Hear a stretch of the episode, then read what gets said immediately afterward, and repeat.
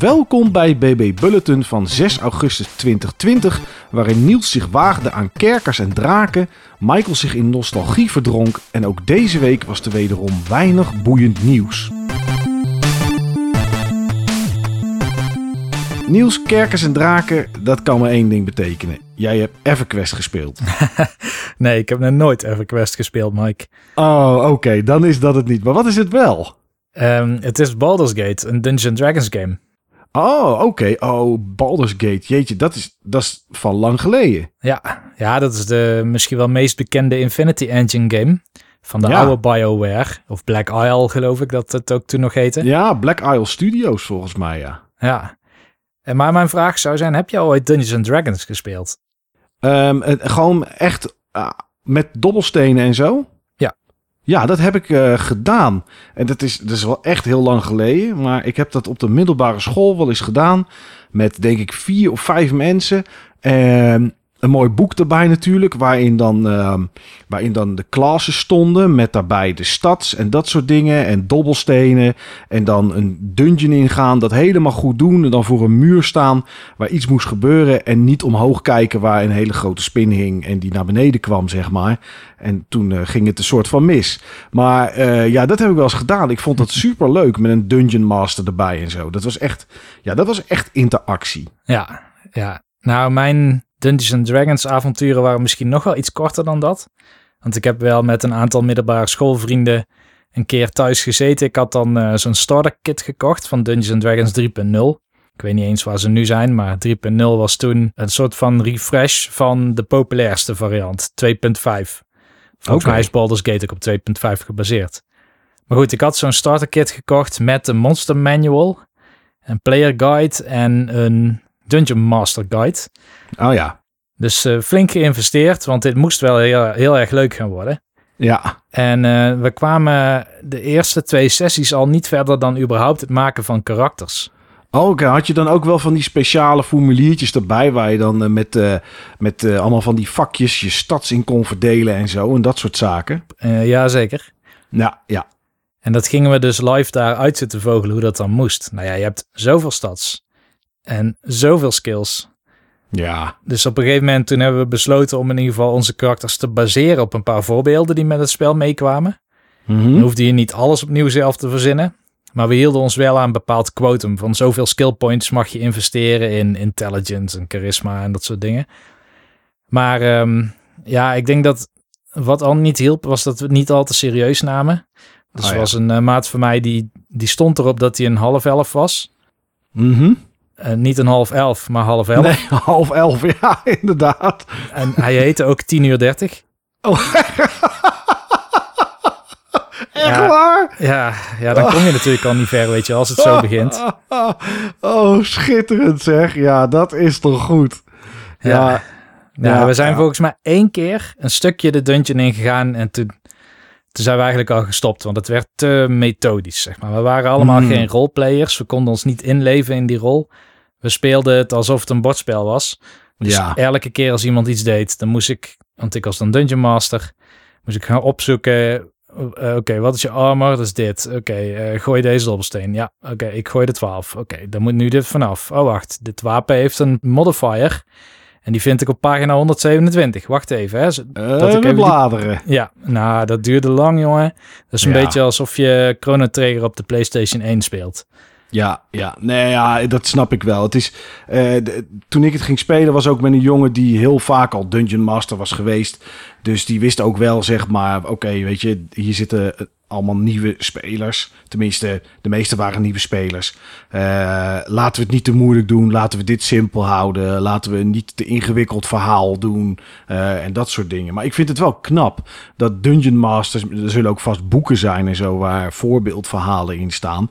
Maar het is wel knap als je zo'n verhaal in je hoofd zeg maar kan opbouwen als Dungeon Master. Ja. Ja, ik heb toevallig laatst, en dan met laatst bedoel ik volgens mij begin juli of zo, of eind juni. Toen had een eh, student een campaign gemaakt. Een campaign die iets moest leren over ehm, een bepaalde cognitieve aandoening. Dus hij had zeg maar, het spel en de mechanics vertaald in dingen die mensen ook doen, bijvoorbeeld met ADD. Oh ja. Bepaalde tics of zo. En uh, dat er heel veel illusie in zit. Dat je het idee hebt dat je elke keer alle muren moet aanraken. Want het spel hint daarheen, weet je wel. Je kan alleen verder als je alle muren aanraakt. Maar dat is eigenlijk niet zo. Maar dan kom je pas later achter. Dat, je hoeft helemaal niet die muren aan te raken. Maar je doet het omdat je dan denkt dat dat helpt. Ja, precies. Maar zij hielp ons wel heel erg door de campaign heen. Dus het was meer bedenk wat je wil. En ik zorg wel dat de regels aansluiten. Ja, ja. In plaats van dat we allemaal goed moesten wisten wat we aan het doen waren, ja. Ja, dat is wel mooi inderdaad. Want de eerste keer, eh, ooit zeg maar in Den Haag hadden we een, ehm, een, een boekenwinkel. Dat heette volgens mij American bookstore gewoon. Mhm. Of American Comics en Bookstore, zoiets. En dan ging ik heel vaak ging ik daarheen om uh, blaadjes te kopen voor, uh, voor worstelen, zeg maar. Voor het showworstelen, de, de, de Hulk Hogan uh, variant van het worstelen. En um, ja, daar hadden ze echt van alles. En ook, en ook Dungeons and Dragons, Advanced Dungeons and Dragons, van alles en nog wat. En voordat ik wist wat het zeg maar echt was, zag ik wel altijd die grote bak met al die dobbelstenen met echte 10 kanten, 12 kanten, 16, weet ik veel wat er allemaal is, zag ik daar altijd staan. En het intrigeerde me altijd omdat ik nooit wist waar het voor was, zeg maar. Dus ik vond dat wel leuk dat ik een keer op een gegeven moment die dobbelsteen in handen had en ook wist van oké, hier is het dus voor, zeg maar. Hier zijn die dingen voor bedacht. Ja. Het is wel, uh, ja, het is wel een apart spul, moet ik zeggen. Ja, maar wel gaaf. Ja, nou ja, Baldur's Gate is alsof je zo'n campaign speelt, maar dan achter je computer. En daar kwam ik pas achter na tien uur ongeveer. Oké. dat ik het ook zo moest benaderen. Het is geen The Witcher. Het is geen Dragon Age Origins. Dat zijn allemaal gestroomlijnde games, zeg maar. Die proberen jou een soort vast verhaal te vertellen met bepaalde uitdagingen. Baldur's Gate is nog voordat spellen zo werden. Dus ik heb alleen al een uur stilgestaan bij het maken van een eerste karakter. Oké. Dit, was overigens wel de derde keer dat ik het speelde. De eerste keer heb ik volgens mij gewoon een soort van recommended party opgezocht. Uh, maar ik kwam toen niet super ver. Nog een keer geprobeerd, allemaal mods geïnstalleerd en zo. Ik kwam volgens mij iets verder. Maar nu ben ik opnieuw begonnen en toen dacht ik, weet je wat, ik doe gewoon de, de moeilijkheid op. Ik meen dat ik één stapje onder normal. Je hebt een stuk of zeven moeilijkheidsgraden, dacht ik. Mm Maar één stap onder normal heb gezet, waardoor je wel in ieder geval het systeem door moet hebben om het te kunnen halen. Maar je hoeft niet te min-maxen of heel goed te weten wat je doet. Ja, het gaf mij iets meer ruimte om te falen, zeg maar. Ja, en het maakt het waarschijnlijk ook een stuk leuker om te spelen. Ja, want mijn eerste tip is, je moet een game als Baldur's Gate spelen zoals een roleplaying game. Dus je moet het spelen op een manier die past bij jouw speelstijl. Dus wil jij um, het à la Diablo spelen, ik noem maar wat, waar het gewoon een soort van power fantasy. Ik wil gewoon een dik wapen en nog dikkere wapens vinden onderweg. En ik wil mijn stad omhoog zien gaan. Kies dan gewoon een knight. Niet te moeilijk. Gewoon iets wat een uh, schild kan vasthouden en een uh, variatie aan wapens. En daarmee kom je heel ver. Ja. Um, maar ik dacht, ik, ja, ik, ik koos voor een dwerg en je kan humans, maar ook dwergen. Ik weet niet of dat het altijd al kon, maar in ieder geval humans wel. En bij de meeste andere rassen niet. Die kun je subklassen. Dus dan kun je, okay. of multiclassen, kun je twee classes hebben. Dus ik um, ben volgens mij een knight en een cleric. Want dan kan ik mezelf healen. Dat was de gedachte erachter. Ja. Dus een beetje magic en een beetje, een beetje combat. Maar goed, je bent daar heel lang mee bezig. Want je hebt veel verschillende stats. Charisma, intelligence, strength, dexterity, weet ik veel wat dat allemaal betekent. Um, die stats die vergroten of verkleinen bepaalde effecten. Of die bespelen bepaalde algoritmes die onder damage berekeningen of zo liggen. Nou, ik heb geprobeerd die handleiding door te lezen. Die kun je van de Beamdog site website downloaden. Mm -hmm. En die is lang. die is zo lang. Uh, ja. Het belangrijkste gedeelte is dat je doorkrijgt dat je hebt een begrip dat heet uh, TACO. to hit armor class zero. Oké. Okay. En het ding is, we zijn geconditioneerd om te denken dat hogere getallen beter zijn. Ja. Maar in Baldur's Gate is juist een armor class met een laag getal beter dan een hoog getal.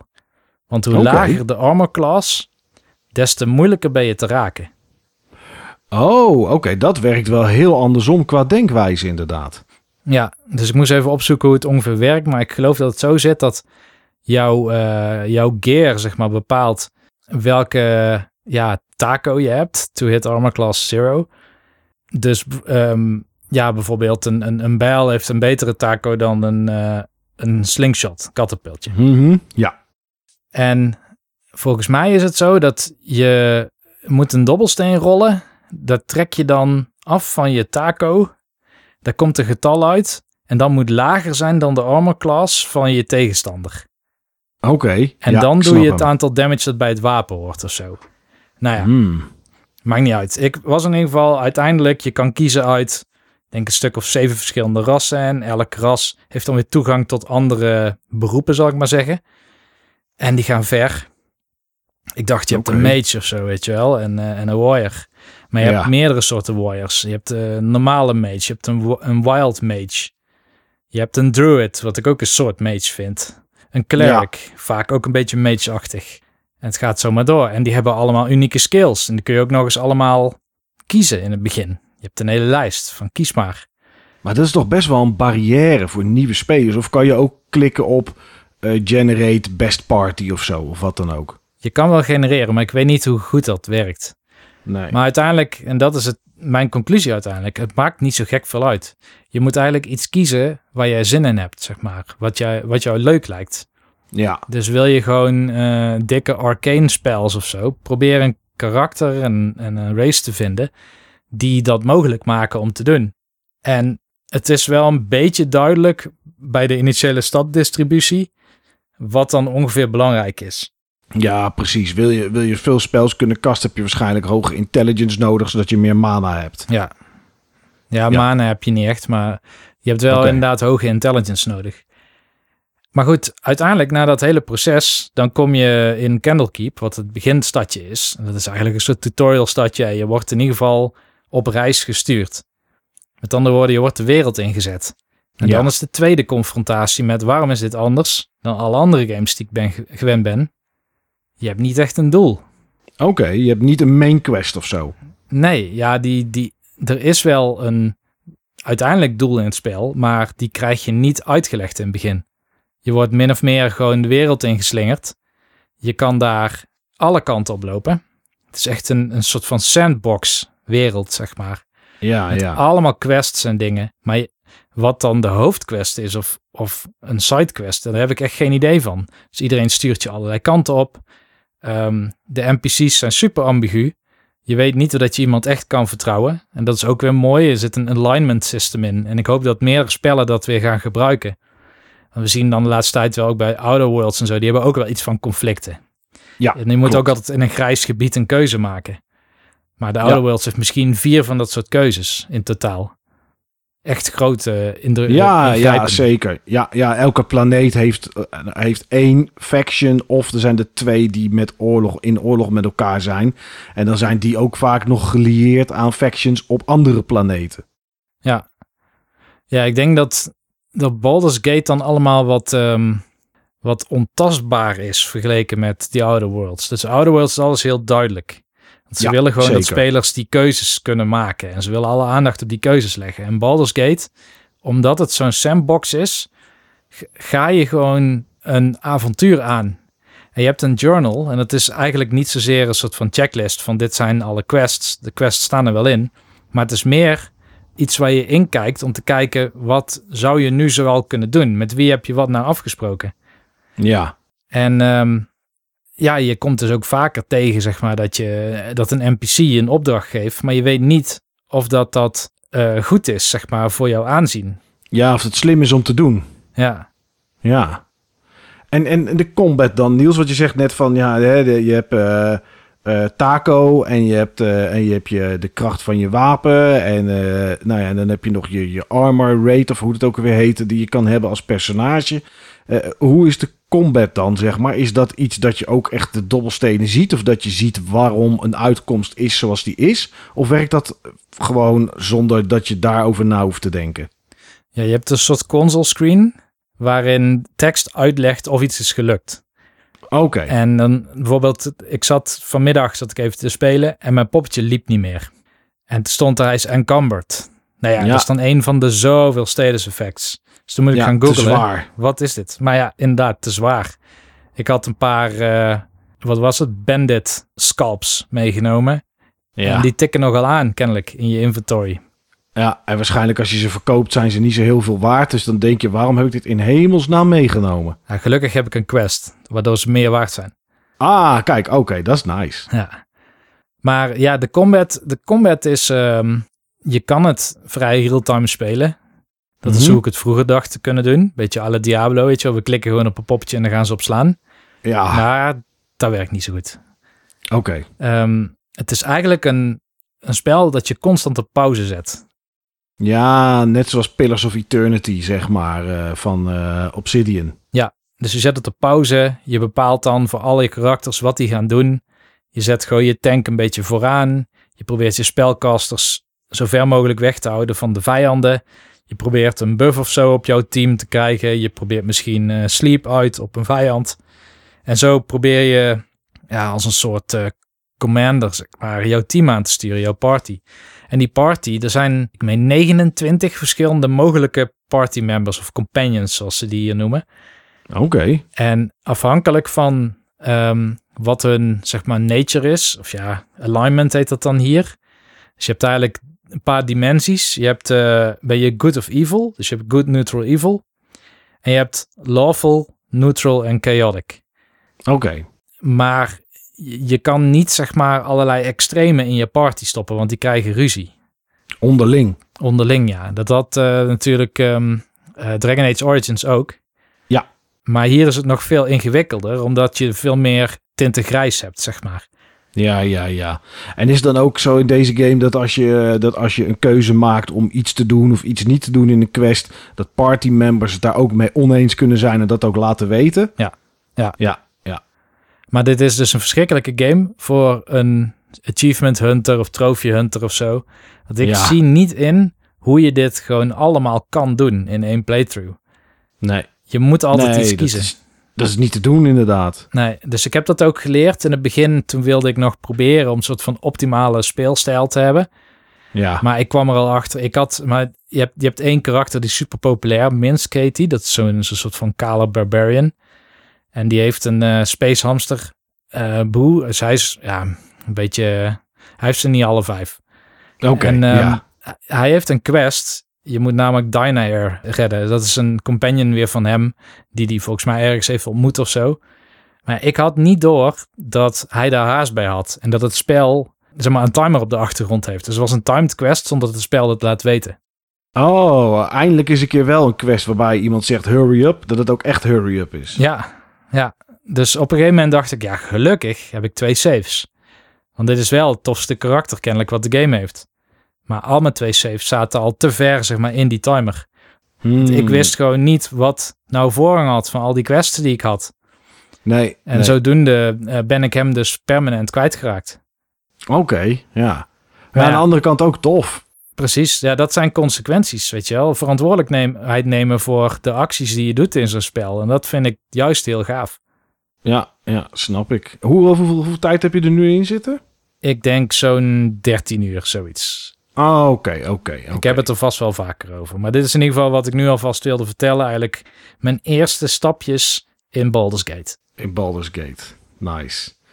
Ik eh, heb ook eh, stapjes gedaan. En eh, die stapjes die zijn nou per stap eigenlijk een klik. Althans, dat is wat de naam doet vermoeden. Ik had laatst eh, zin in een, in een point-and-click adventure. En dat kwam omdat ik, nou ja, de, heb het ooit wel eens gehad in, eh, in, in de Button Bashers of Topic 2. Heb ik het gehad over mijn project laptop.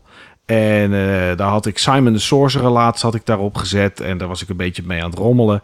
Ehm, en toen ging ik, eh, ging ik achter mijn normale, gewone PC zitten van heden ten dagen.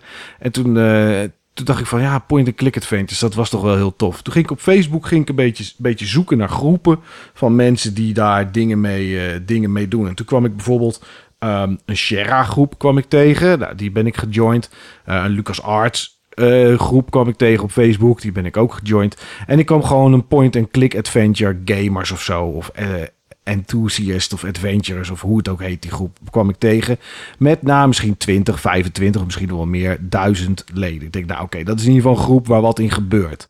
En toen ging het erover van, um, er was een, was een post en die zei van ja, waar kijken we eigenlijk nog naar uit, naar point-and-click adventures? Toen dacht ik, nou, daar ben ik wel eens benieuwd wat er nu eh, vandaag de dag nog gemaakt wordt. Want ik zie ook heel veel mensen die vinden Telltale dan heel tof, maar dat is voor mij niet echt een point-and-click adventure. Er zitten geen puzzels in en ja, weet je, dat, dat, dat gaat eigenlijk kabbelt wel voort en ja, je, je doet een, beetje keuzes maken hier en daar. Maar ook die haalde niet heel veel uit. Ben ik toen achtergekomen bij The Walking Dead.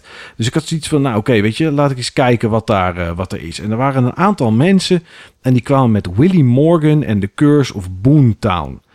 Nou, uh, een game die als goed is nog dit jaar ergens moet uitkomen. En daar was een demo van op Steam. En ik dacht, nou oké, weet je, ik, ik heb wel eventjes een, uh, een, uurtje of twee, drie. Hè, als het puzzelen is en iets wat vandaag de dag gemaakt uh, is, dan zal het misschien lastiger zijn dan vroeger. Of juist niet, omdat ze vroeger misschien hele rare verhoudingen deden met objecten en, en dingen in de wereld en items die je in je zak had. Maar ik dacht, ik ga het proberen. Dus ik heb Willy Morgan en The Curse of Boomtown gedownload. Nou, jij speelt daarin Willy Morgan. Niet een hele grote verrassing, denk ik. En je vader, die is uh, de dag nadat jij begint met spelen op de kop af tien jaar precies verdwenen. En je vader, dat is een, een onderzoeker, zeg maar. En die is ooit naar Boontown gegaan, of in ieder geval die kant op. Uh, je moeder is ook een onderzoekster, uh, maar die is op dat moment in de Amazone. Dus ja, daar heb je niet veel aan. Uh, precies heel toevallig op de, de dag voordat uh, je vader tien jaar verdwenen is, is zij, is zij weg. En dan gaat de brievenbus open en er komt een brief naar binnen van je vader die tien jaar geleden is gestuurd. Dus uh, hij is niet alleen tien jaar weg, maar hij heeft ook tien jaar geleden een brief gestuurd. En daarin staat dat je naar Boontown moet komen. Nou goed, meer dan dat staat er niet in. Maar dat is in ieder geval de eerste plek waar de clue zou moeten liggen om je vader misschien terug te kunnen vinden. Um, je hebt alleen geen vervoermiddel en je hebt geen geld. Nou, en dat is waar, uh, waar de demo begint. Om weg te kunnen komen moet je een fiets in elkaar zetten en je moet geld vinden dat ergens in huis ligt. Nou, ik ging er klaar voor zitten. Ik denk, oké, dit wordt puzzelen en dit wordt moeilijk. En daarmee heb ik mezelf eigenlijk uh, het lastiger gemaakt dan wat het was. Je fiets ligt in onderdelen door het huis heen. Het zijn tien onderdelen en die moet je verzamelen en je moet wat geld hebben. Nou, de meeste onderdelen is doe een kast open, daar ligt iets, uh, daar hangt iets aan het plafond. Uh, of, of er ligt iets op de kast vlakbij het plafond. Aan het plafond hing een, uh, een dromenvanger. Nou, dat was heel erg gemaakt van een fietswiel. Dus die kon ik pakken. Uh, ergens was een, um, was een, een, radiowekker die jij gerepareerd had. Uh, maar hij deed het toch eigenlijk niet. En je had een schroevendraaier gevonden ergens. Dus die stop je erin. Daar kwam een radertje uit. Nou, eigenlijk allemaal niet heel erg lastig. En toen had ik de fietsbel nodig. En de fietsbel, um, dat is het enige onderdeel dat ik nog miste. En ja, ik liep daar in een keuken en ik was aan het kijken. En toen zag ik een magnetron. Dacht ik, nou, als er iets pling doet, dan is het wel een magnetron. Nou, ik heb daar van alles mee geprobeerd en gedaan en weet ik wat allemaal. Ja, dat, dat was het gewoon helemaal niet. Dat hele ding had er helemaal niks mee te maken. Die bel lag gewoon ergens anders. Hoefde ik alleen maar ergens een laadje open te doen of zo. En die bel eruit te halen. En ik had dat laadje in het begin even gemist. Um, ja, dus dat is. Dat, het was niet heel moeilijk. En, en dat vond ik wel een beetje jammer. Um, Eén ding waar, wat heel erg quality of life van nu is, maar eigenlijk ook een beetje jammer, was dat er bijvoorbeeld ook een knop op je toetsenbord zit. Volgens mij was de tab of de spatie of wat dan ook. Die kan je indrukken en dan is alles waar je interactie mee kan hebben, um, dat ligt op. Daar komt, dan zie je van oké, dit is in ieder geval iets, daar kan ik op klikken en daar kan ik naar kijken, dit en dat. Zo kan je heel veel schilderijen uh, onder het bed, dat soort dingen kan je allemaal overslaan omdat daar kan je gewoon helemaal niks mee. Nou, je kan klikken om iets te pakken of om te usen. Uh, met de rechtermuisknop kan je ergens naar kijken. En met je muiswiel kan je scrollen door je inventory. Ja, en dat is het. En dat, toen dacht ik van, oké, dit is... Vroeger hadden we natuurlijk adventure games waar woorden onder stonden. Of je kon ze intypen. Sierra moest je alles intikken. Nou, dan kon je oneindig veel dingen intikken. Of de game het snapte was de tweede. Maar daardoor had je heel veel mogelijkheden. En bij LucasArts had je heel veel woorden onderin staan. Een stuk of twaalf of zo. Met open en pool en push en wat dan ook. En dan kon je daar combinaties mee maken.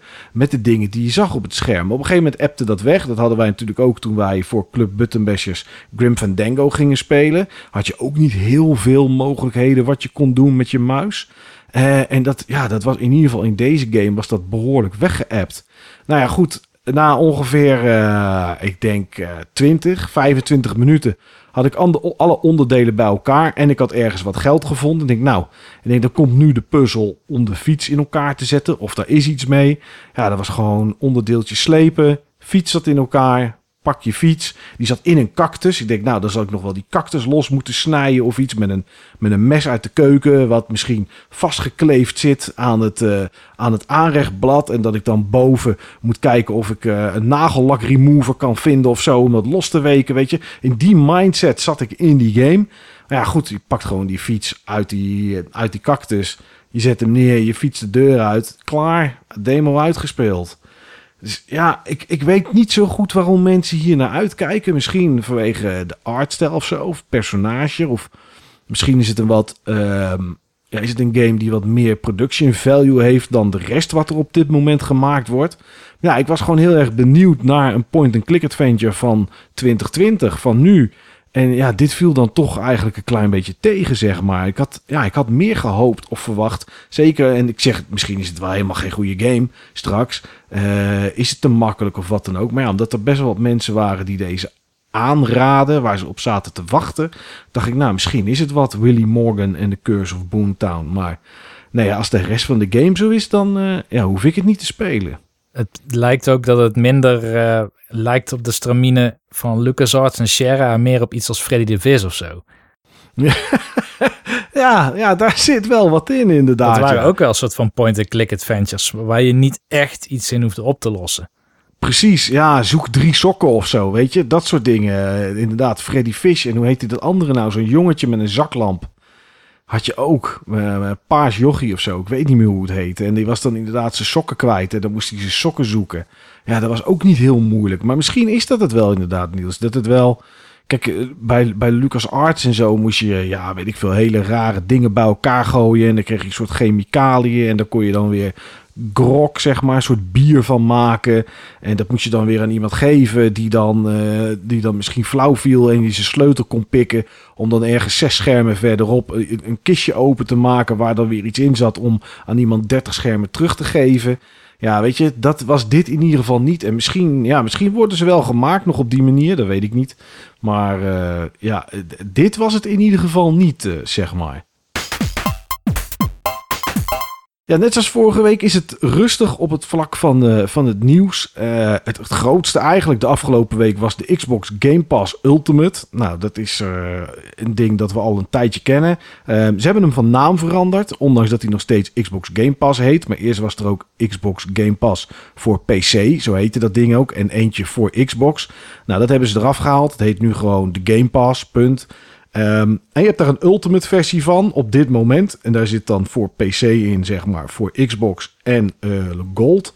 Ja, en Microsoft is bezig met xCloud, de streamingdienst die ze, die ze willen lanceren. En dat gaan ze doen op 15 september van dit jaar.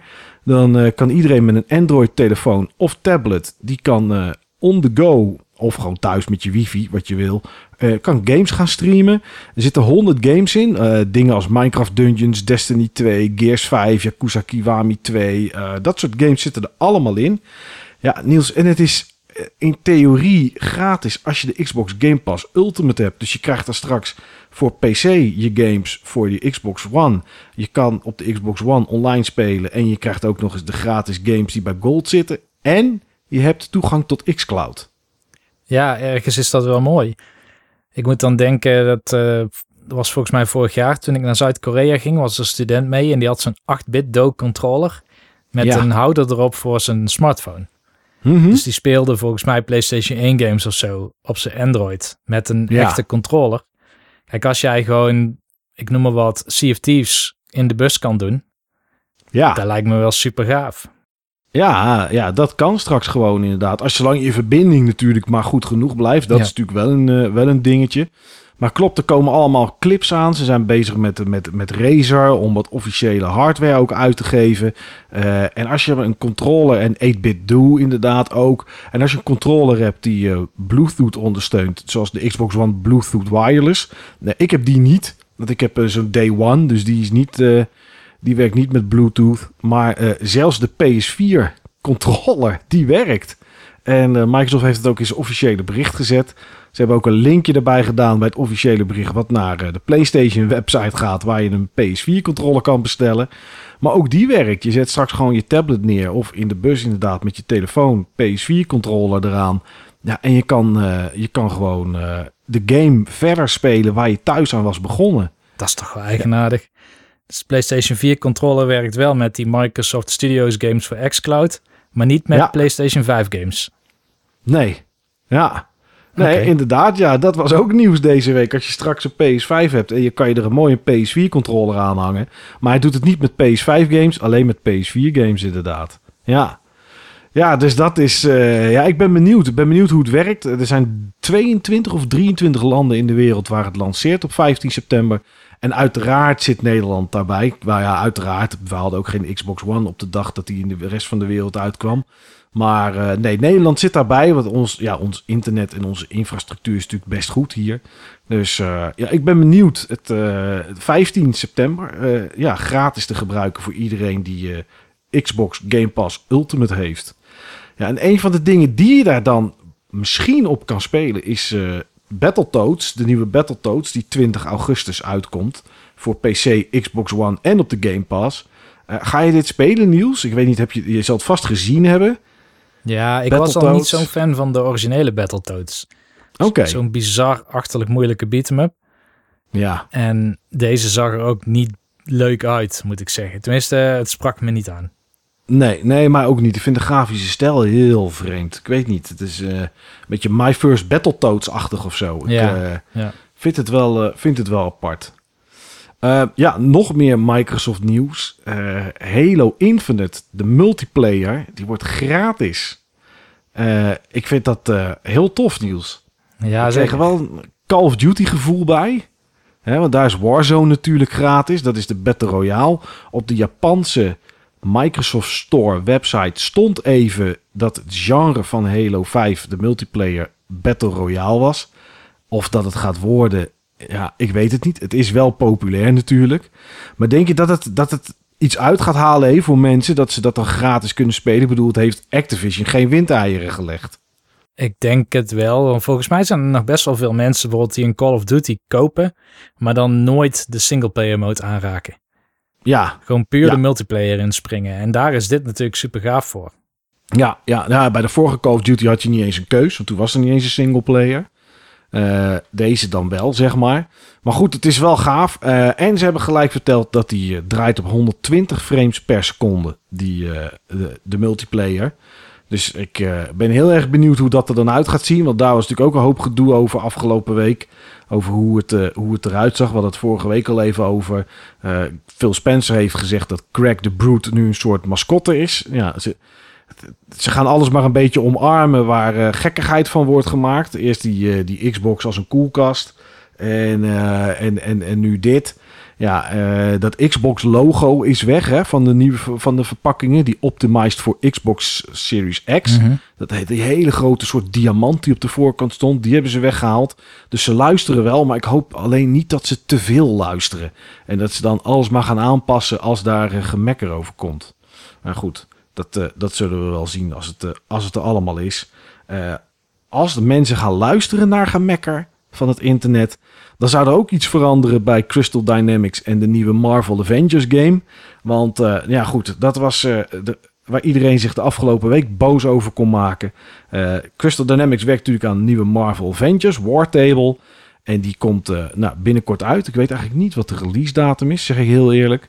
Ehm, maar daar zit Spider-Man in, maar alleen op de PS4.